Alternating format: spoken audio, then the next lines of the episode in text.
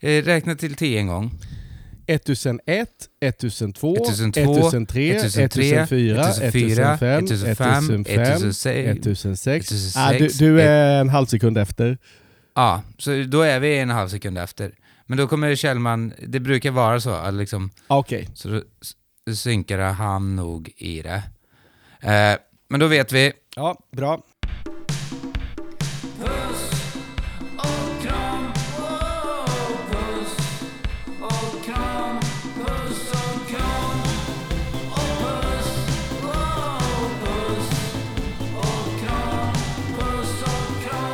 Två, tre. Hallå allesammans! Henrik Nyblom heter jag och ni lyssnar på Puss och kram. Eh, idag är Magnus Betnér tyvärr eh, sjuk. Han sitter och bara kräks över hela sin lägenhet har han berättat. Han är helt orkeslös. Han har skickat in eh, brev till min stora dag och vill uppleva det sista han någonsin kommer få uppleva och det är faktiskt få vara med i Sofias Änglar är det. Men vi har med oss en annan och det har Sofias Änglar fixat. Och den personen heter nämligen Sylvester Slegel som har hoppat in. Hallå Sylvester! Hej Henrik, hallå hallå. Välkommen, välkommen. Du hoppar in för Magnus idag. Ja, jag gör det. Det är ett jävla ok att bära kan jag säga. Ja, så nu jävlar, nu kommer du få eh, prata om Edith och sådana saker då. Ja, Hans just det. dotter och... eh, Ja, hon fyller ju 17 nu i helgen alltså. Fy fan Ja, alltså, det- jävlar. ti- tiden går, tiden Ja, går. 17-åringar, vad önskar de sig egentligen nu för tiden? Jag vet inte. Ja, det är väl Håkan Hellström-skivor och sånt. Ja, det måste det väl nästan vara kanske. Rosa tofsar, jag vet inte. Får se vad, får se vad jag köper åt Edith. Ja, eh, och jag måste bara säga det innan du drar igång med Magnus kommer åka ut på en turné som heter eh, Hela huset brinner. Nej, allt brinner ner. Huset rasar. Något, vänta, Något, då, något dåligt med hus. något dåligt. Det händer något dåligt stället. huset. Ah, okej. Vad heter, vi ska se. Eh, det här ska jag ju veta med en gång. Fattar du hur svårt det kommer vara för folk att komma ihåg vad våran turné heter då? Ja, ja, ja. Kommer du ihåg? Det är knappt. Bränner ner huset heter Magnus turné och det är med Nisse Hallberg. Han är ute hela, hela våren. Det finns biljetter via magnusbetnér.com eller i hans Linktree eller på Nisse Hallbergs hemsida om ni gillar att gå in, den, eh, gå in på den. Eh, och varför då Sylvester Slegel sitter med här? Det är nämligen så att jag och Sylvester ska åka ut på en turné som heter Figaro Paninis kakafoniska dödsdans och det finns också att köpa på henriknyblom.com och bla bla bla. 48 stopp i vår. Eh, Är det så jävla många? Oj, oj, oj. Ja, börjar sälja slut en del nu. Ja, passa på. Passa på, det kommer bli fuckat. Eh, Sylle, hur, berätta, hur, eh, vem är du? Vad är du för figur? Ja, var ska vi börja? Ja, men jag är väl, eh, jag är ju ingen komiker då, så att eh, om folk sitter och, och tänker att jag ska ha såna här Magnus Betnér-spaningar här så kommer, så kommer det bli ganska svårt. Men jag är, jag är jättebra på trumma, gitarr och bas. Jag kan sjunga, jag kan skriva låtar, jag har gjort en massa skivor, jag har åkt på en massa turnéer. Så jag tänker att eh, jag kan vara till lite hjälp där när du ska få ihop din Figaro Paninis kakafoniska dödsdans. Ja, Men vi känner varandra sedan tidigare för att vi har ju massa gemensamma kompisar och vi har gjort en massa saker tillsammans och delat studio och ena med det andra. Men nu ska vi äntligen få åka på turné, det ska bli för jävla gött. det kommer bli nice, det kommer bli nice som fan. Kommer, jag kommer ju, eh, tänka att den här, eh, det här avsnittet kommer jag ställa några ledande frågor till dig för att Oj. få publiken att... Eh, jag ska vara lite journalist idag. Det. Oj! tänker jag. Fan, eh, idag är jag Kristoffer Triumf. En lite gladare Kristoffer Triumf. Oh, wow! Kan man, bli, kan man bli gladare? Ja, det. Det är en, eh, att högskolepoäng i sig för att bli gladare än honom. Ja. Eh, Men jag ska förklara eh, konceptet egentligen i vanliga fall i den här podden är att vi får frågor inskickade till oss och vi har några frågor inskickade som vi kanske kommer svara på. Eh, man kan följa oss på Patreon, och vi har Spotify och vill ni ställa frågor så skickar ni mail till henrik.kulturaktiebolaget.se och då får ni eh, frå- eh, det är alltså Kjellman som har de frågorna. Eh, vi kan väl börja med Eh, jag kan eh, berätta att eh, om några undrar, precis, eh, kom, jag har precis kommit hem och varit eh, på Peter Guld och sånt. Som kanske folk... Eh, har du någon fråga om Peter Guld? Ja, jag har många frågor. Jag, jag försökte titta lite, men jag, jag inser att jag är nog inte målgruppen för, för Peter Guld. Det är Nej, ganska det- mycket som flyger över huvudet på mig, men det ska sägas att jag börjar liksom närma mig, jag kommer fylla 50 inom några år. Så att det, är Ja. inte, det är inte så konstigt. Jag älskar inte ny musik som Peter Nej. gör till exempel. Just det, vi älskar ny musik. Ja, Om jag ska Nej, starta en radiokanal skulle det vara... Du står ut med ny musik. Det skulle vara... Ja, men lite så. Vi tycker ny musik är sådär. Jag kan, vet du vad, det var jag med Peter Gulden, det var ju väldigt kul, jag, fick, jag gjorde några covers på låtar kanske man ska säga. Det kom Ja. ner team hit till huset och filmade, det var skoj som fan när du gjorde det. Loopar man runt det. Ja, men det såg jag. Jag har kollat i efterhand på SVT. Det tyckte jag var jättebra. Det, det Funkar blev, det? Ja, det blev jag jätteglad av att se. Fan vad gött. Och gött att du fick breda... Alltså, det var ganska mycket ändå procentuellt som var Henke Nyblom i eh, missionshuset med sin loopmaskin. Och det Ja. tycker jag är härligt när public ser- service-pengar kan läggas på sånt. Liksom, att man prioriterar sådant. Då blev jag glad. Ja, Då gillade jag ny musik, kan jag säga. fan vad gött att höra. Ja. Nej, det var, eh, det är ju alltid det där, jag har jobbat på Peter Guld innan, jag, till exempel eh, Marcus där det, då skrev jag manuset eh, och sen så jobbade jag med manus när det var Emma Molin och Oscar Sia på hotellet, för att då gick jag igång på att, för då var det liksom så här fuckat, då var det något annorlunda, då var det under covid och Just sånt. det, just det. Eh, Men eh, nu var det i Stockholm och det är, man känner ju, de, hade, alltså de som jobbar med det, de är ju- är så jävla grymma liksom på, på att göra liksom nytänk. De som, Ja, ja. alltså producenterna och sånt. eh, Men Stockholm är ju svårt alltså. Stockholm Ja. och Stockholmsmusiker för Stockholms publik. Är det, så, är det så ju- att publiken består till stor del av andra artister? andra artister och influencers och sånt. Så Från, Stock, dig, från Stockholm då? Ja, många ifrån Stockholm. Du kan tänka dig, det är tough crowd. Ja, ja, ja. Ja, ja visst. Fy fan. Det är liksom... Jag, Är det så här, är det 300 Peg Parnevik man ska uppträda inför typ? ja, ungefär. Ja, ja. Tre, eh, och så sitter liksom Lars Winnerbäck och Miriam Bryant och Veronica Maggio och Cleo och Ja, eh, några ja. rappare och liksom Stenström och sånt. Ja, Och de vet ju att de blir filmade under tiden. ja. Så att det, jag tänker att det, det är tufft för alla, tror jag. Det är tufft för musikerna, det är tufft för dem framför. Jag skulle presentera ett pris och rullas ut där. Jag tror att Torbjörn var nog lite... Jag tror att han var lite stressad i det eller något sånt, eller, eh, när han skulle rulla ut mig. ja. För jag stod, stod ju på en sån... Du vet, så att det första han gör, om, är, du vet när han trycker ut mig på vagnen, är att trycker i för hårt så jag ramlar omkull. Nej! Så jag bara typ såhär, fuck! Jag blir lite mer såhär, du vet jag fuckar till och du vet, så att när jag rullar ut, då har jag liksom såhär, okej, man förlorade de där fem sekunderna för att liksom starta igång det. Mm. Så jag fick liksom såhär, improvisera liksom lite snabbt. Och Ah, bara såhär, fuck, jag fuckade upp basgången. Så, Eh. så du låg back, liksom, när du, när du kom i bild, då var du back redan? Ja, ja, så att jag, jag kände bara, du vet, man får den här klumpen i magen, känner att man bara står och bombar. Och bara, fuck, jag, jag fick liksom så här tänka om lite. Ah. Det var inte riktigt så som det skulle varit för mig. Men jag tänker att Eh. du är bra i de situationerna. Du är van vid det liksom att eh, Ah, ja. ja, men nu får vi göra något helt, nu får vi dra något riktigt jävla pajigt ur röven istället för att Det går och så inte tror jag att Torbjörn glömde nog bort vem som skulle vinna där. Ja, För att jag, jag skulle bara t- kolla på honom för att han skulle säga och vinnaren är Antoine. ja, Men eh, han, jag tror att eh, han, han glömde av vad, vilken artist det var, så då fick jag ju slå in det och säga Antoine, eh, då fick jag liksom... ah, okej, okej. Ja, Men det är ja. det som är gött med, det är så det ska vara när det är liksom livesänt och Ja, sånt. annars kan man ju bara förespela skiten. Ja, det är ju så.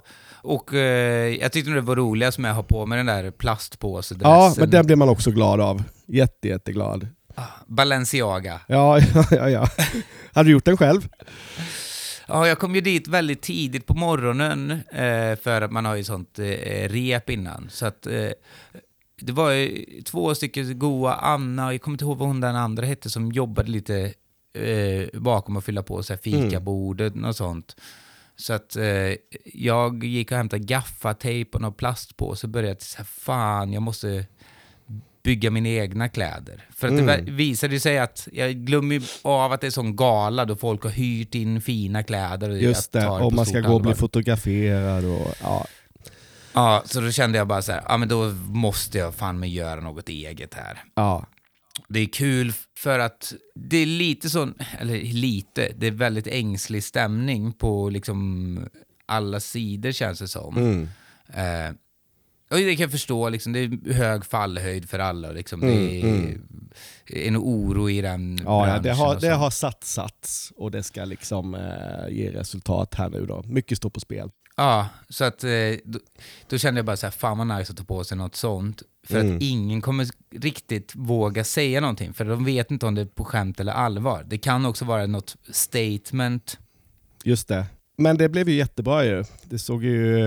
Det är också kul att en plastpåse liksom faktiskt kan outshina vilken liksom toppdesigner som helst. När man ser bilderna sen så är det ju, det är ju plastpåsen som vinner, det är inget snack. Ja, man blir sugen. Det, det får mig ju ett sug på att börja gå på mer röda mattor för Ja, att ta ja. på mig ännu... Alltså hela situationen är ju jätterolig med röd matta. Den, den liksom Ja. dis, distanslösa upphöjningen som sker i några sekunder på en röd matta. Det är så jävla roligt. Fan, vi borde Ja, egentligen, man borde gå på varenda, varenda röd matta man kan egentligen. Ah, Använda det, är som sitt forum. Det är bara där man Ja. syns. Blir det en, en ny Alice Timander? Fy fan vad fett alltså. Det är jävla konstigt med röd matta. Liksom, det är, för, eh, för lyssnarna då, så att ni ska förstå med röd matta, det första man gör är att man går fram till, då står det liksom en röd matta-general Ja, ja, ja. ja. Så, som frågar så här, jaha, vilka är ni då? Eh, och så berättar man vem man är eller vilka det är. Ja. Vi som var hjälp, eh, många som det var Flashback eh, Forever och Hanna Hellquist, vi var väl för många för dem. Men så skriver de ner vilka det är. Sen så står det liksom, eh, då står liksom Allers, tidningen Land, Ja, ja. Damernas Värld, eh, Aftonbladet, så står det eh, liksom en rad med dem med kameror. Eh, och så får man liksom gå liksom kanske en halv meter i taget och stanna upp. Och så står den fotografen och säger så här, bra, kan ni le lite? Tack, så mycket. Ja. Och så gå, och det är så jävla weird. Ja, det är så jävla konstigt. Jag, är, alltså jag har gått på ett par röda mattor i mina dagar eftersom jag har Ja. varit med i band som det har gått bra för. Men jag är alltid den som de inte vet om de ska skicka fram till fotografer eller inte. Eller är han bara någon, typ jobbar han bara här liksom med och sköter Ja. repen typ. Så att det blir alltid så här, och jag låter dem alltid gissa så här. De får, de får fan ta reda på vem jag är. Jag tänker inte ge dem något gratis. Och om de då pekar att jag inte ska gå förbi fotograferna så, så är det ju jackpot liksom, då slipper man det. Så att det liksom, de, Ah. de får välja det och ganska ofta blir jag skickad i B-filen så att säga. Och där, där trivs jag ganska bra. Ja, fan, man gillar ju hela den där, alltså jag gillar att kolla på det där YouTube, eh, det, där, eh, det där som finns på internet som heter YouTube. Nej men, eh, då de trollar sig in. Det är många sådana Ja. som gör det där. Det Ja. var ju någon nu det senaste som hade med sig sin liksom farfar och de hade bara köpt grejer. De hade liksom eh, påsarna från Ikea och sånt och byggt med Ik- eh, Ikea-personalkläder och hade med sig en stol och köpte typ grejer på Dollar Store i USA liksom. Ja, Och, och de kom ju in överallt och liksom fick gå före i kön Ja, trots att de inte stod på listan. Ja för För, det är och så här, folk, för, vill ta, folk vill ta selfies med dem och sådana saker. Ja, ja. För det är så här, man vet ju inte.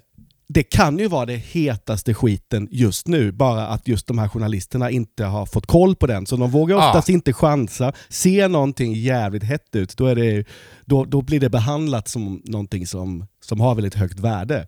Och den men grejen är ju rolig. Och jag, jag då är ju i, i någon slags gråzon kan jag tänka mig. Och, men, men jag vet så här, Dogge till exempel, way back Ja. då liksom för 20 år sedan, när det var mycket, det var mycket filmpremiärer på 90-talet och 2000-talet. Då Ja. alla skulle gå på röda mattor. Så fort det var en ny, ny biofilm så var det röd, röd matta liksom. Och hela den här jävla proceduren med ängslighet och åh nej, är han känd, är han inte känd? Dogge Ja. brukade dela ut sina sådana fribiljetter till så här polare ute i eh, Botkyrka. Ja, Så att det ganska ofta så dök det upp liksom så här, ja, men, kioskägare från Botkyrka på röda mattan som hade fått biljett av Dogge. Det är jävligt gött alltså. Ja, fy fan, det älskar man ju alltså. Ja. Det, det är något jävligt weird med det överhuvudtaget. Det, liksom så här, det känns så liksom gammal grej. Ja. Eh, eh, eh, men eh, så, det var som en ny app nu som har kommit som är så helt jävla fuckad på det sättet att det är appen är att det ser ut som att du livestreamar och att det är liksom eh, typ 50 000 som kollar på din livestream. Så att det ser ut som att du är superkänd och så också kan Drake liksom poppa upp. Åh, där dök Drake upp och kollade på livestreamen. Och så var det en snubbe då, han som har uppfunnit den här, som går runt i USA och använder sig av den och kommer in på liksom de största ställena och folk beter sig så annorlunda och du vet tjejer, du vet bara så här, oh my god, oh, hallå, får jag också vara med? Och du vet, det blir liksom, och det är ju USA, men det är ju liksom, mm det är en sån skev grej hur folk bara förändrar sig på grund av kändisskap. Ja, ja, ja. ja, ja, ja. Och, och, och just det här att folk inte vågar chansa. Den där Nej. personen är nog känd. We better shape up. Det är bäst att man Ja. skärper sig. Det är bäst att vi behandlar den väldigt, väldigt annorlunda. Ja, det är liksom väldigt, det är väldigt sinnes...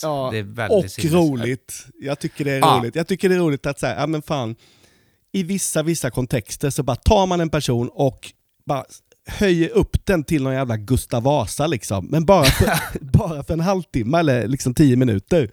Men det kan också, man vet inte, det kan vara Christer Pettersson som kommer liksom.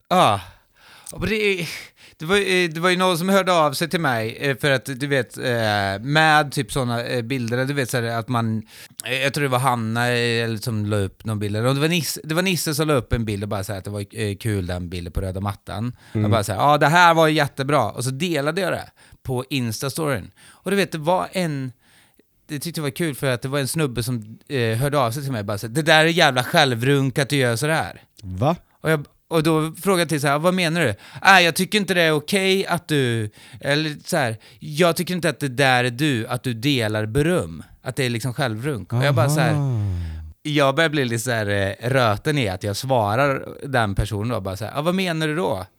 Nej, men jag tycker, jag tycker inte att det är där är du, att du, man ska göra så. Bara så här, vad, vad, med, vadå inte jag? Och då svarade jag också och sa så här, jag tror att du har idén att man inte ska göra så för att du antagligen hört det i någon podcast då folk säger att man inte ska dela beröm. Eh, för att det är liksom, eh, det är självgott att göra det. Men jag delar vad fan jag vill och går och bryter den där. Ja. Eh, och så sa han så här, ja jag har hört det i TS Knas när de pratade om det, att man inte ska dela, eh, eh, man ska inte retweeta, för att det finns liksom en kutym och en regel. Och jag bara så här, men varför? Du säger det för att du har hört andra säga det, men känn efter själv, tyck själv. Han, och du vet, det blev en lång diskussion med den här killen, det slutade med att han avföljde mig på sociala På riktigt? medier. Ja. Ja, ja. För att han blev så upprörd, för jag bara till så här. Men vad, vad, vad, vad, du vet att jag släppte det inte. Vad, vad, vad är det du känner i det här som är liksom jobbigt att jag gör så här? Nej, men jag tycker inte att man ska göra så. Ja, men du tycker inte att man ska göra så för att du har hört någon annan säga att man inte ska göra så. Så det, är liksom, det är inte dina egna känslor. Det är liksom det är en idé utav ett facit av hur man ska vara som... Ja, ja. Och, och dessutom eh, en idé om, utifrån det facitet, hur du ska vara. Hur Henrik Nyblom Ja. ska vara. Han har Ja. liksom, nej det här är inte du Henrik. Nej, det blir, du vet, det här blir jag så förbannad på. Det är liksom så här, det är liksom så här, och det, då går det helt emot vad, vad jag egentligen står för. Mm. Då blir det plötsligt, Det- plötsligt, plötsligt kul, då blir man sugen på att dela en jävla massa beröm om Ja, sig ja, själv. ja, ja. Då, då, när folk säger så här, när folk kommer med sådana så här vett och etikett Magdalena Ribbing-ish, fast Ja, liksom, ja. oavsett om Ja, det ja, liksom ja, här, ja. Magdalena Ribbing så säger det, eller om det är Aftonbladet, eller om det är liksom Alex och Sigge eller Filip och Fredrik så säger att man ska göra det på ett sätt. Då Ja. vill man bara göra tvärtom. Om, om de säger så här, ja, matbilder på sociala medier, det ska man absolut inte göra. Gör det! Har Ja. du lust att göra det, skit i vad fan folk ska tycka. Ja, ja men verkligen. Det är liksom, Eller så bara anställer du honom liksom så att du har honom som konsult dygnet runt. Varje gång du bara Ja. har ett frågetecken så ringer du honom. Du, fan är det här jag alltså? Nu funderar Ja. jag på, nu, nu, nu ska jag ha sriracha på keson här. Är det jag? ja, är det, är, passar det mig? Ja. Du, för hur vill du se mig i framtiden? Och, Och- så sen så för, Och, och, gärna, också- och, och gärna liksom i förhållande till TS Knas. Det är, de, det är de, deras regler som de satte upp. De här tio budorden som TS Knas kom ner med ifrån eh, Humorberget. Ja, ja, ja. När, Ja, det är många runder. Svårt att hålla reda på det. Tänk då om det dyker upp en annan som också har idéer om, om vad som är du, men som inte är överens med just den här personen. Hur fan Ja. gör man då liksom? det blev så lång, jag, jag, jag tänkte att jag skulle ta upp lite ifrån det, men jag orkar inte. Jag ska inte ge den personen för mycket Nej. utrymme. Men det var liksom, jag, jag sitter ju liksom när jag satt och läste det och sitter, du vet, och sitter och skrattar åt det samtidigt. Men det var liksom som att det fanns en sån upprördhet i honom, så jag blev liksom intresserad utav ja, Jag bara blev så fascinerad utav att den personens idé av liksom ett kändisskap. Att så här, du har ju inte haft några motgångar, du, du- det är säkert bara, du är ju bara en kändis som får, vad fan? Så jag får får nästan skicka, du vet så här, "Ah, eh, ja, vad jobb, vart jobbar du någonstans? Och så jobbade han på någon eh, fabrik och så förklarade så här, du vet jag också jobbar på fabrik. Ja. Du vet, jag, jag har också... Du vet, folk ser oftast bara liksom så här, saker som går bra. Mm. Eh, liksom, men fan vad man har bombat och man har gjort kassgrejer. Men det Ja, ser ja, ja. ju inte folk för att det är kassa saker. Ja, och de ser inte allt bakom. De ser liksom inte... Alltså om de bara ser dig med din eh, plastdräkt på olika röda mattor, då förstår jag om man kan, om man kan ha den uppfattningen.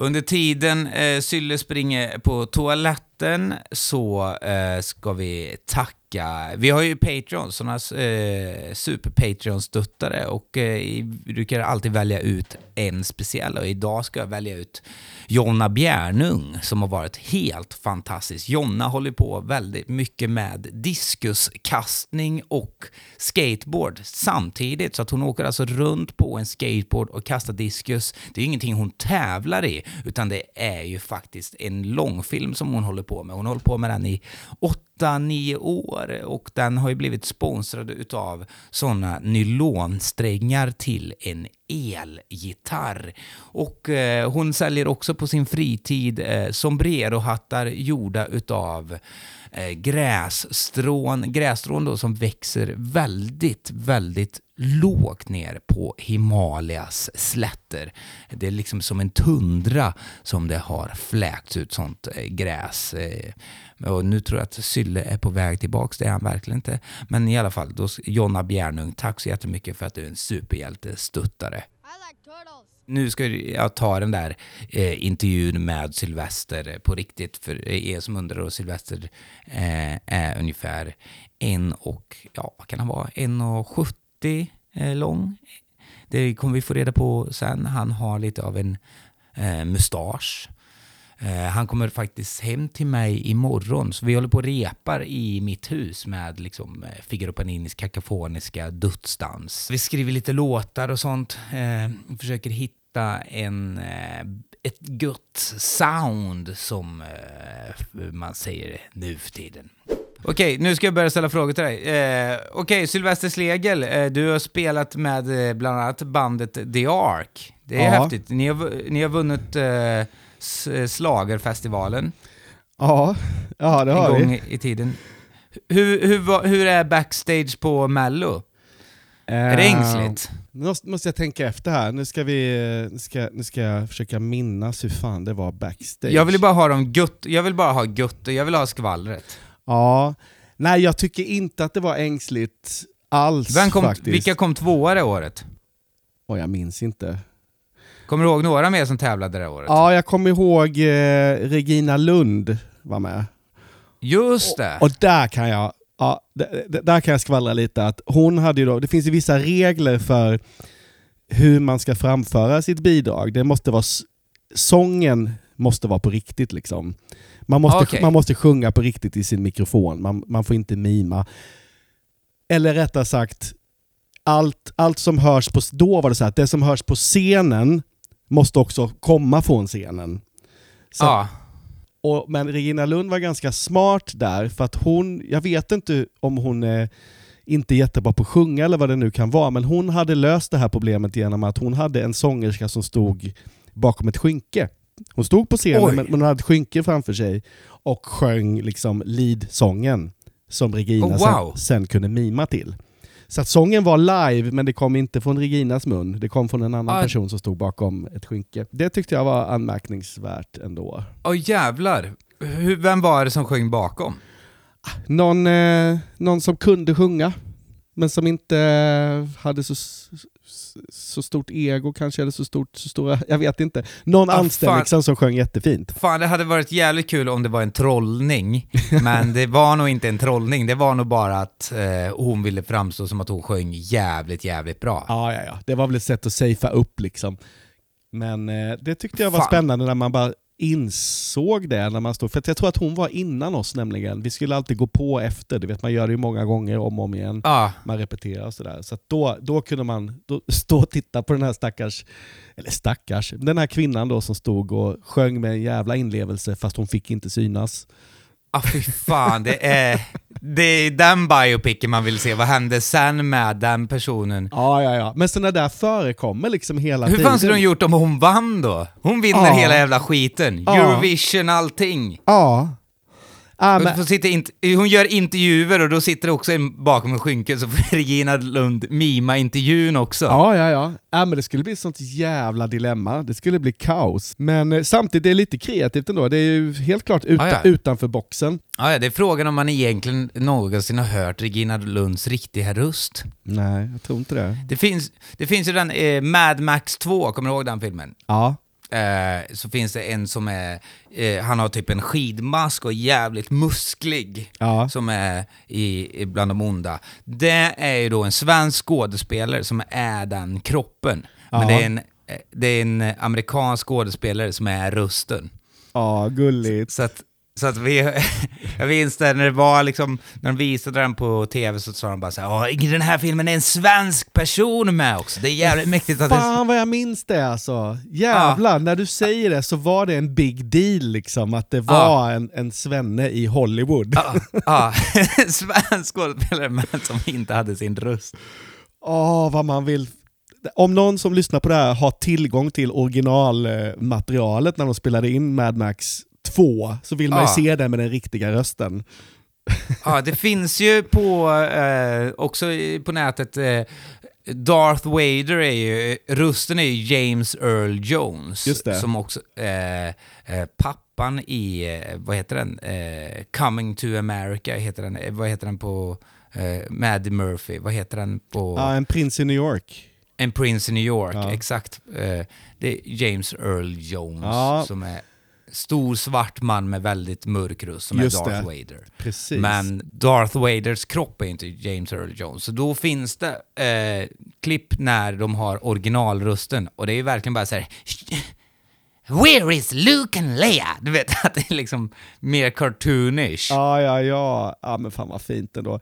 Men, men eh, mäktigt ändå att de, jag menar han har ändå mask på sig.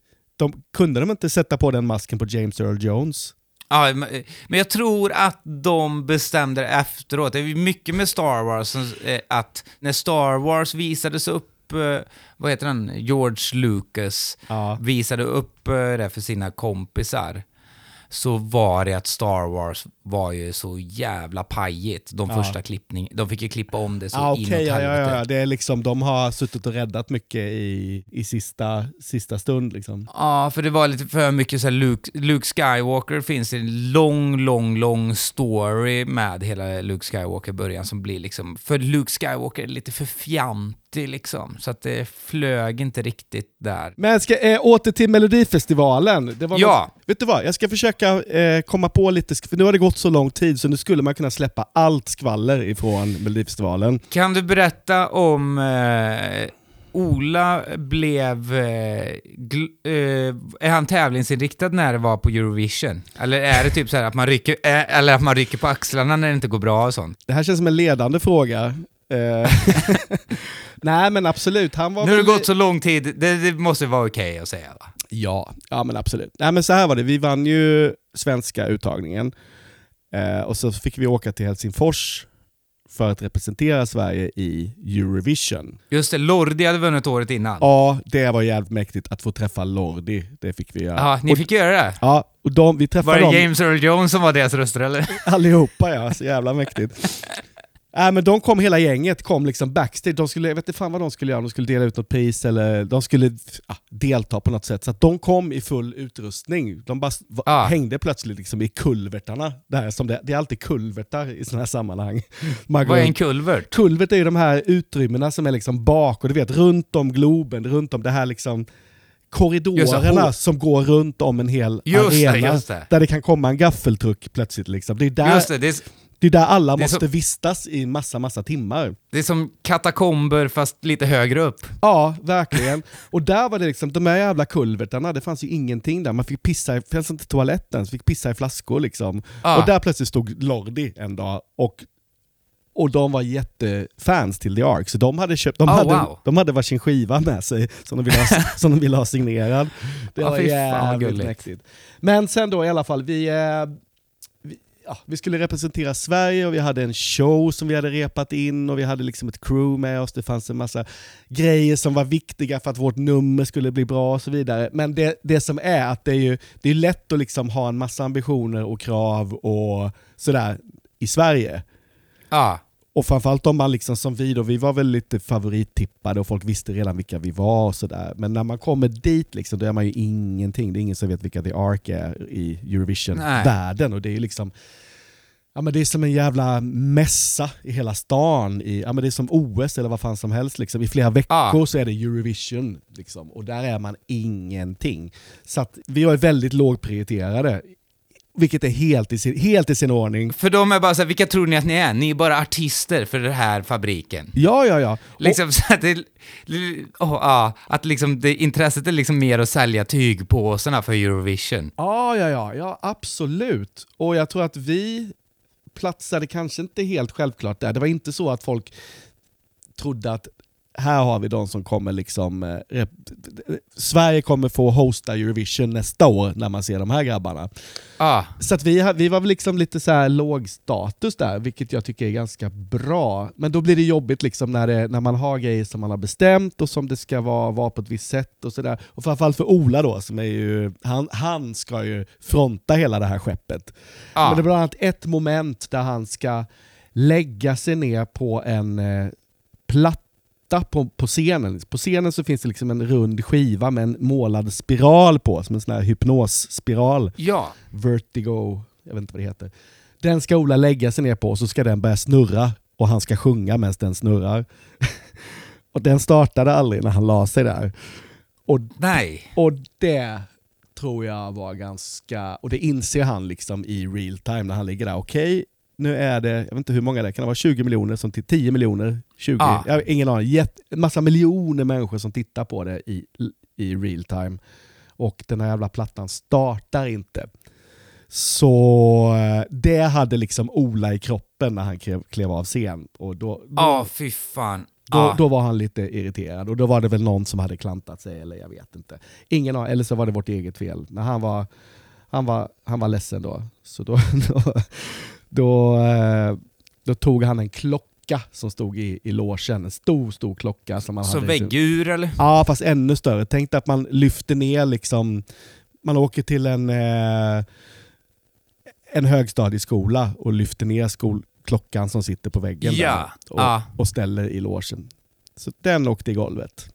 Men det var inte mer än så. Det, en klocka Ja, åkte men det är ändå rätt gött. Jag gillar att man gör det. Att Ja, det liksom det men vad för fan. då bryr man sig liksom. Ja, och dessutom det skadar ingen människa. Liksom det, ja, det, så mycket frustration hade han och han behövde få ut den. Och han valde att där då. Ja, men på det sättet. Jag känner igen i den där klumpen i magen. Det är ju liksom så, det är, trots att det kan vara liksom en pissak när man har stått på scenen, att bara så här, men vad fan, alltså du vet, man behöver väl inte gå Jonas Gardell på det, men Jonas, Jonas Gardell går ju och skäller ut någon extremt, bara så här, men det skulle ju vara ett bakljus där, men i Ja. ens kropp, i ens kropp när man står på scenen så vet man att bara så här, men där ska ljuset ändras för liksom publikens skull. Mm, mm. Eh, så känner man bara, och så har man förberett det och så ser man det framför sig. Mm. Och så, sen så händer det inte och man bara säger men vad fan, det var liksom, man blir liksom ett, Åh. man blir infantil i det. Ja, ja, ja. Jag blev, Ska man behöva var- göra allt själv?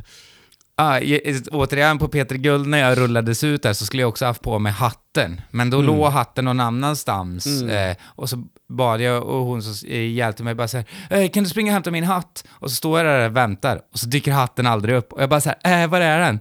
Eh, Ja, du ska rullas upp om eh, 15 Ah. sekunder nu. Och man bara så här, nej fan. Hatten, men det finns ju, det fanns inga klockor för mig att slå sönder Nej. Och jag tycker Och jag är ju du är som snäll ju. Ja, som komiker i det med, jag vet att liksom så här, allting handlar om musik där, så att eh, det är liksom inte min... Eh, hade jag kanske varit Veronica Maggio, då hade Mm. jag bara så här, nästa gång var det min fucking hatt! Nu är det bara så här, ah, det blev ingen hatt. Ja. Fan, det hade blivit roligare om hatten fanns, men men. Men egentligen borde man, jag tänker sådana som, eh, ja, du nämner Jonas Gardell som, som ibland tar ut sin frustration över medarbetare. Borde man inte, Ja. inte så här liksom preparera Jonas Gardells loge så att han har saker att ta ut sin frustration på? Ja. Så så här liksom klockor han kan slå sönder, han kan, han kan ha sån här whack, en whack-a-mole skulle han ha i logen. Ah. Det kommer upp såna jävla hamstrar eller bävrar som han ska slå ner. Fy fan vad det hade sparat mycket ångest tror jag. Ja, boxkudde, du vet en sån boxkudde som går från marken som har liksom en figur på sig. Ja, Eh, Du vet en sån, också om man ska göra så röten prepp på det. ja. Han vet att det står en sån eh, eh, figur. Du, du vet en sån nästan gummiöverdel. Ja, ja, är nästan ja. som en skyltdocka som är kapad fast det är liksom gummi som du kan slå på. Ja, ja, ja. Han vet att den står i logen så att när han blir frustrerad så kommer han kunna gå tillbaka och slå på den. ja. Fast sen under tiden han är ute på scen så fuckar man upp för honom på scenen så att han, man vet att han kommer ha sån frustration. ja. Sen när han kommer tillbaka till logen, då har man bytt det till en svart figur. Så att den, så att, så att Jonas ska gå tillbaka och bara säga, jag måste ta ut, bara, ah nej, ah, det står en svart, svart där, du vet. En svart kvinna, en svart kvinna, och så i en rullstol. Fast det är en gummidocka så att han bara så här. Ska han gå tillbaka? Fuck, jag måste få ut min frustration. ja. Men så börjar han inse bara så här, ja, ah, nej men jag som, fan. Insikten i en själv liksom. ja. Risken finns att han bara kapslar in det liksom. Ja, I år och dagar. Så till slut så bara så, så blir han Tommy Zethraeus. Med maskingevär på Stureplan. Sylle, då brukar vi alltid ha ett segment i, det här, eh, i den här podden som heter Henrik hatar och Magnus älskar. Magnus brukar ha svårt för att älska saker och Ja. jag brukar ha svårt för att hata saker. Ja, okej. Eh, så att, eh, eh, och det är väldigt sällan jag hittar någonting att hata egentligen på riktigt. För att jag kan hata saker liksom så här på grund av att jag inte ätit någonting eller liksom en känsla. Men när jag liksom ställer till min spets så kommer jag fram till att bara så här, ah, det är jag som är dum i huvudet. Eh, Ofta är det ju det liksom, faktiskt. ja, Det är därför man ska, man ska, li, man ska fundera lite, känna efter innan man målar plakaten. Liksom. Har jag, ta en macka innan du sätter dig och målar banderollen. ja. Ja, men jag kan börja med någonting som jag hatar. Okej. Ja, hata Eh, på.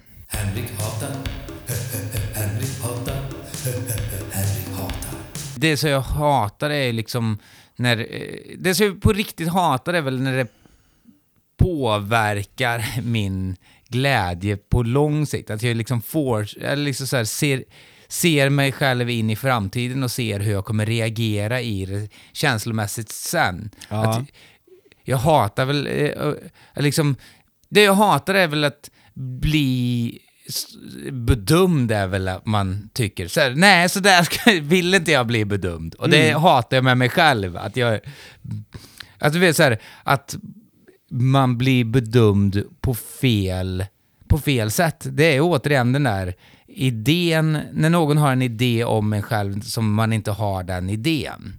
Förstår du vad jag menar? Jag förstår. Någon när någon bestämmer idén om en själv. Men då har ju du också, då är du i den sitsen nu att du har en idé om vad den här okända personen ska ha för idé om, Ja om, om vad du är. Du vet, och det, blir så hatar jag med mig själv. Ja. Och det hatar jag med mig själv. Ja. Liksom det är självhat. För du vet ju inte hur du kommer bli bedömd. De kanske är spot Nej, nej. on, liksom. de kanske verkligen ringar in exakt det som du liksom vill, vill åstadkomma. Och det är ju det, och liksom, det är ju det som är det luddiga och det rent filosofiska i det. Mm. Det är ju att alla har rätt till sin egna känsla om någonting. Det är liksom Ja. som att någon, det är liksom den här, det är så reklam fungerar. Det är att någon säger så här: det här är snyggt. Mm. Bara så här, vad fan är snyggt?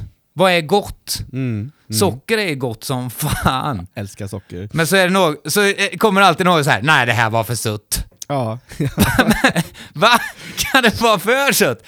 Ja, det är bäst, det är ju det som är gott. Smarta människor gillar inte... Vet du vad? Smarta människor, sådana som anser sig vara liksom väldigt kloka, intellektuella eh, människor, tycker att sutt, för sutt är äckligt. ja, det där. Eller hur? Fy fan vad det är. Vilken jävla bullshit det är. Mm, det var så gott för det var inte så sött. Ja, ja, ja, det. Men du, är inte du människa? Är inte du liksom homo Ja. sapiens? Vi är byggda för att älska sött. Sött är det godaste vi vet. Vad är du Jag för ett jävla alien-freak som tycker att det är bäst när det, för att det inte är så sött? Ja, nej, nej, nej, det där... Åh, det, vet du vad det inte smakar? Det smakar inte så mycket fett i det här. Fett är ju svingott! Det är för fan, det, Ja, ja. det är det vi är byggda för att jaga. Vi ska, vi ska liksom hårda fett och socker. Det är vår enda Ja, uppgift här på jorden. Ja, det är liksom det bästa. Liksom, vi mår så bra utav det. Och liksom, det, det, däremot, eh, det, man skulle kunna säga bara så här: fuck, det här är nästan, det här är så jävla gott, men det här kan inte min kropp må bra utav. Exakt, liksom exakt. Ja, Nej, men din kropp mår bra utav det nu. ja, ja. Det är liksom så här, antingen så får du liksom så här, mår du dåligt långsiktigt eller liksom eh, kortsiktigt, men du kan inte säga så här att det inte är gott för att det är sutt. Nej, nej. Det där har all, Så- aldrig varit sant. Någon. Ingen har någonsin stått för den åsikten innerst inne. ja, men då, då börjar folk hitta på sådana saker eh, eh, för att... Ah, cynikern i mig känner att det, det är typ någon så här kostymnisse som står på liksom en fabrik och så har de bara så här, ja, de har ett överskott av bärskt ogräs som växer. Och de bara såhär, fan vi måste kunna sälja det här på något sätt. Bara så här, ja, vi, vi måste kunna tjäna pengar på detta liksom i den kapitalistiska världen. Och då säger de bara så här, fan kan vi inte hyra in lite influencers som säger att sutt är äckligt och bäst är gott. Så Ja. kan vi sälja det här jävla ogräset Ja, ja, till någon. E-ämnen liksom, en sån eh, gryta där de bara häller i e-ämnen Ja, och rör runt med en jävla radioaktiv stav. ja, så det jag hatar idag är liksom den bedömningen då. Den idén om att sutt ska vara äckligt. Men sen så, eh, sen så är man likadan själv, att man bara säger det har blivit för mycket sutt. Det är liksom, man kan ju överäta sig på sutt, självklart. Jag kan älska bäst med. Men, men att Men överäta... grundidén. Ja, ja, ja. Du överäter ju ingenting för att det är äckligt. Det Nej, finns en anledning till att du överäter. Det är för att det är så jävla gott.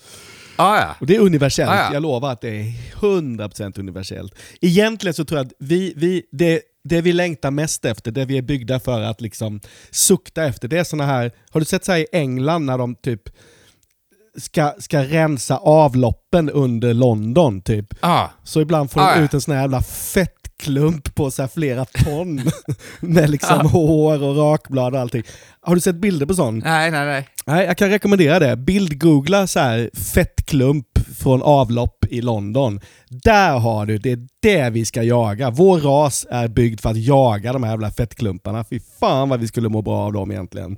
Det, men det är så många saker som har k- kopplingar till varför då i, du inte ska tycka att det är gött med socker. Liksom. Det är Ja, liksom, ja. Hur, hur, liksom, hur normen ska se ut Ja, liksom, ja, ja. Med, med Rationellt så fattar man allt det där. Det finns undersökningar och det är, liksom, det är, Ja. det är inget konstigt. Liksom. Men det förtar inte faktumen att Nej, nej. socker är det godast som finns. Liksom så här, om man ska koka ner på en sak, men vi ser till exempel en sån figur som Karl Lagerfeld, Mm. som liksom, hur han ritade kläder och hans stil är väldigt mycket så här tysk expressionism och liksom så här, och i den stilen, den tyska expressionismen, är det väldigt smalt. Liksom så, här, så att modellerna för att liksom kunna ha på sig hans kläder för hur det ser ut på papper måste vara så extremt ätstörda och liksom, det är knappt att sådana människor existerar. Du måste Ja. vara liksom så här, ja, ja. Två, två och en halv meter lång och väga liksom noll gram. Det- För att Karl Lagerfeld har liksom en smak i hur han ritar kläderna. Ja, och det är inte Edvard Blom han sitter och tänker på när han gör kläder. Nej. Och då smittar det av sig på att framgång kopplat till att du inte ska gilla sött är på grund av att Karl Lagerfelds idé när han sitter och ritar på kammaren. Ja. Man får inte glömma att Karl Lagerfeld var liksom, han var lite guttegris, han gillar, alltså när han sitter ri, när han sitter och ritar det där sitter han och mumsar i sig så jävla Werthers original Ja, under ja, ja. tiden. Det bara krasar Liksom- om Lagerfelds jävla käke. Ah, ja. Folk glömmer bort vilka det är som står bakom det där. Liksom, eh, vilka som är regissörerna och Ja, sånt som skapar ja. den skeva världen. Alltså de som säljer produkterna är ju oftast göttegrisar. Det är klart det är det.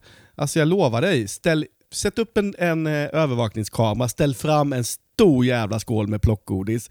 Karl Lagerfeld ja. kommer gå där och plo- han kommer inte få något gjort överhuvudtaget. Ah, ja. Ah, det var så han dog. Det var det. Han, käk, ja, han ploppade ihjäl sig. Death by plop. Ja, Fan, det står... öde. Uh, Sylle, eh, Ja. vad älskar du idag då? Jo, det som är, jag älskar mycket saker, men top of mind så är det nog för att jag såg en, film, en dokumentärfilm igår om Werner Herzog, den eh, tyska regissören. Och fy fan vad jag älskar honom. He has very much like this, he's talking all Åh, the, alltså the jag-. Alltså, jag, så här, kolla här. Jag, jag, jag får, jag får stå, stå, ståpäls av att du imiterar honom. Yes. Fatta då vad som händer när man hör honom på riktigt. Ja, men han har en otrolig röst och han har liksom...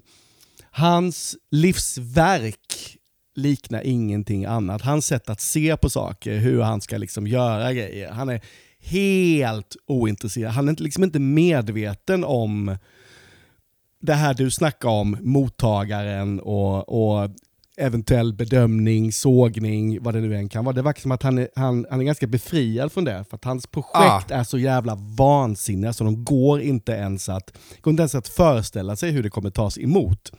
Och man får Ja. följa med honom när han berättar liksom hur han hur han halkat in på sina olika projekt. Han har gjort jättemycket olika saker. Han har gjort fantastiska... Ja, han har gjort om vulkaner, vulkaner, han har gjort den där filmen med, de måste, med Klaus Kinski, de måste ta den där jävla båten. Ja, ja, ja, ja, ja, ja. Alltså bara det är ju helt sjukt. Och då berättade han att det var, han var ute och åkte någon dag i England, eller vad fan det var. Han åkte förbi någon sån här gammal fornlämning, typ Stonehenge, som var enorm. Liksom. Enorma stenar som, som har liksom släpats upp någonstans och gjorts någon gravmonument eller vad det nu kan vara. Och, och han sa, och, and when I saw this, I decided that I will not leave until I have figured out how they did it. Så då stannar Ah. han kvar där liksom ett par år, typ, i de här jävla stenarna. Ah, ja. Han skulle lista ut hur, det gjort, hur de har gjort det för så jävla länge sedan. Och han lyckas ta reda på det och det gav honom idén att han skulle göra en film om en som ville bygga ett operahus uppe i Amazonas djungel. Och för att liksom fixa det så behövde han få med sig en ångbåt upp på berget. Och det gjorde de på riktigt. Liksom. Ja. De, de, de gjorde en otrolig liksom, drama, kostymfilm, liksom, en fantastisk film. Men tillvägagångssättet är att så här, anlita hundratals liksom, urbefolkningsinvånare, de som bor där i den här djungeln vid det här berget. Och så skaffar man en riktig jävla ång, en ångbåt som vi släpar upp på berget och filmar det. Och en galen Klaus Kinski i det där. Som Ja, ja, ja, ja, ja. En fullkomligt van, bindgalen. Alltså, ordet bindgalen passar inte bättre in på någon annan än Klaus Kinski. Ja, ja. Fy fan. Fantastisk skådespelare. Ja, älskar, älskar. Så efter det liksom, så går Werner Herzog vidare. Nya projekt. Jaha, han åker upp till typ, vad fan är det? Långt upp liksom till glaciären, där fanns, eller kanske det söderut, det är där de finns, får syn på en pingvin som han bara hänger efter. Den här pingvinens ja. liv verkar vara så jävla intressant. Spenderar liksom evigheter med att bara hänga efter en pingvin. Det gör han nästa film om. Du vet, han är helt intuitiv. Liksom. Han bara låter det komma till honom och det han liksom stöter på, det blir sen ett monumentalt jävla projekt. Och det finns noll, liksom, det är ingen som går och efterfrågar något av det här han håller på med. Nej, nej. Det är sån jävla fallhöjd och det är sån jävla risk hela tiden. Och du vet, hans egna mentala hälsa är liksom på spel hela tiden. Ja, men han vill verkligen gå till botten med saker och få reda på bara, hur har den här pingvinen hamnat här, var, ja. vart är den på väg, vad kommer hända sen? Ja, ja, ja. Eh, det är så mycket vi inte vet om pingviner. Ja, ja, ja. Det... Och man får bara se, jag, har inte, jag måste se den här pingvinfilmen, för jag har inte sett den.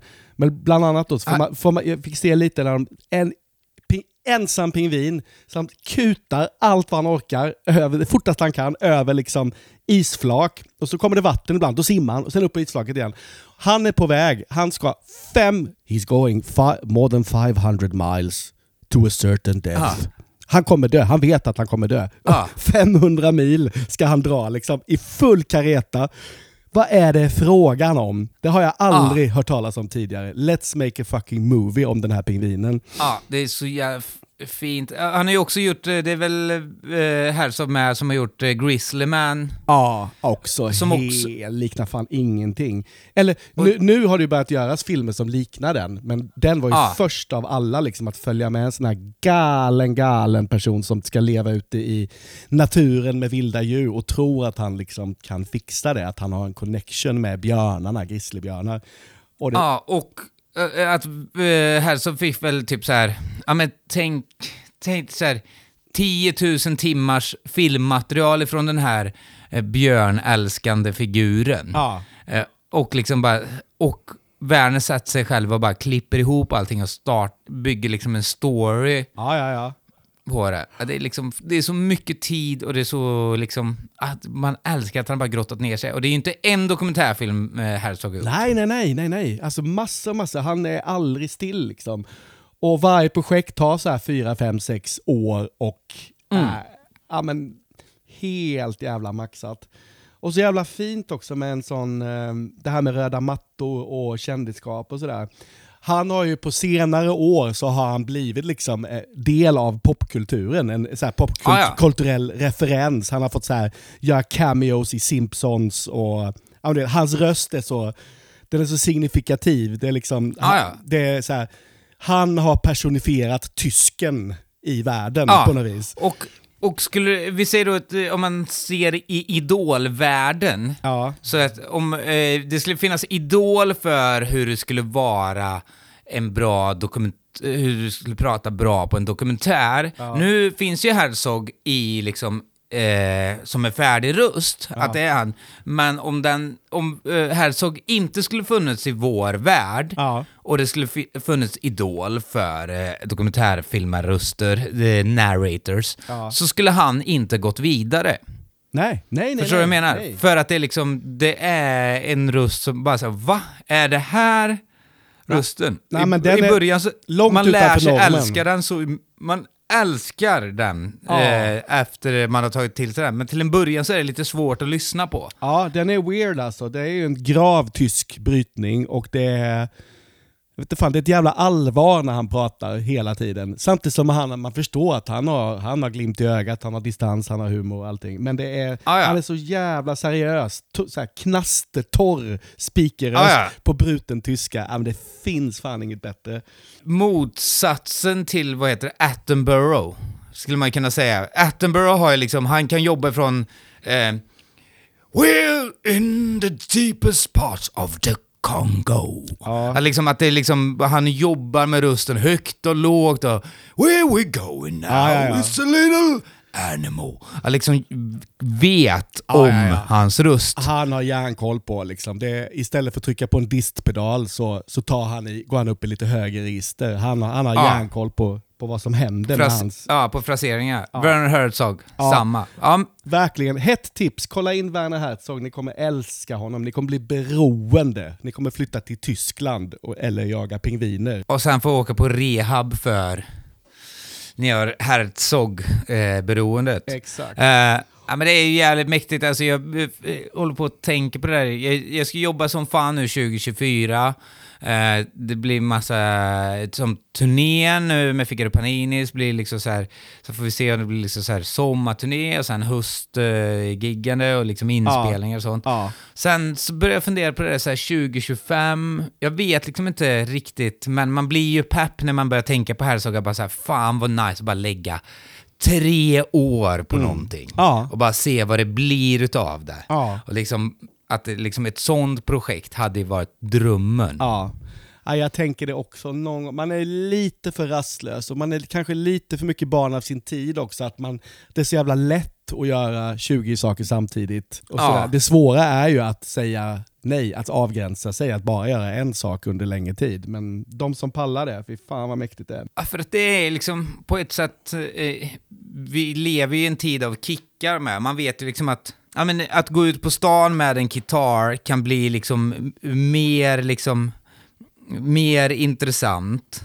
Och liksom, eh, än att lägga så här, här, kolla här, tre år har jag eh, eh, eh, jagat den här pingvinen. Bara så här, "Ah, jag orkar inte med det där. Och man bara så här, fuck, liksom.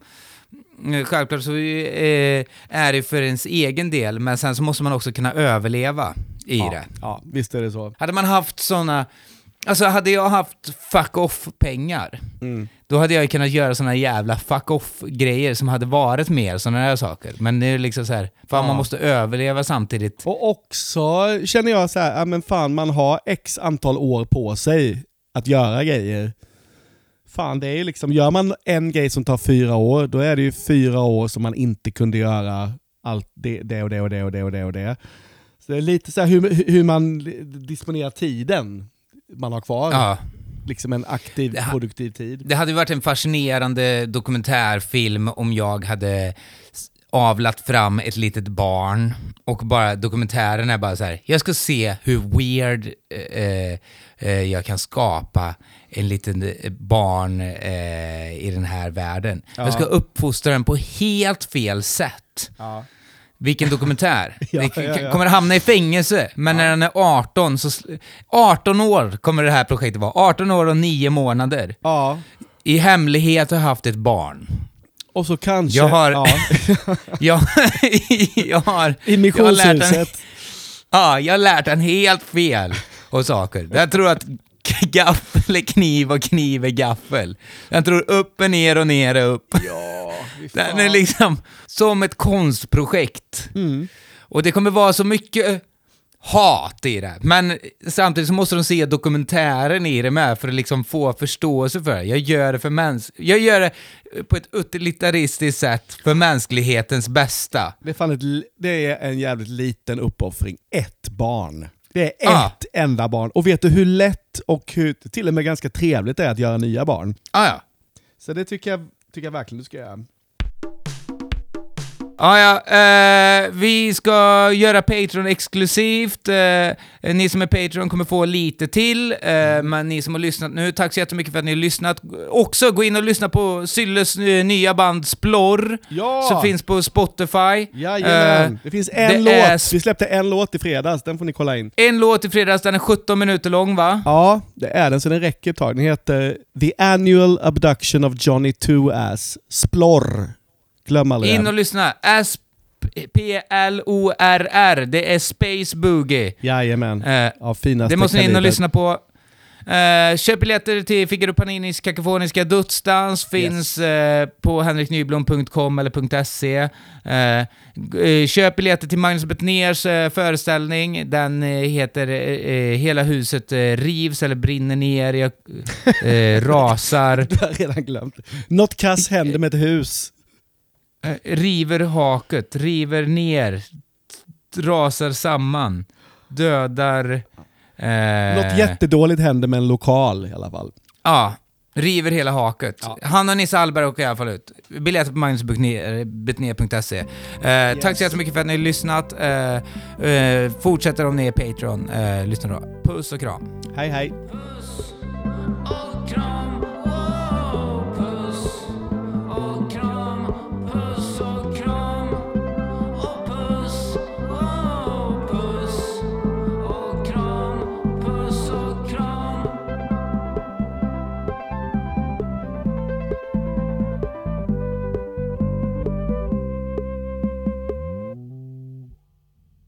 Den här podden är klippt av Henrik Kjellman och producerad av Kulturaktiebolaget.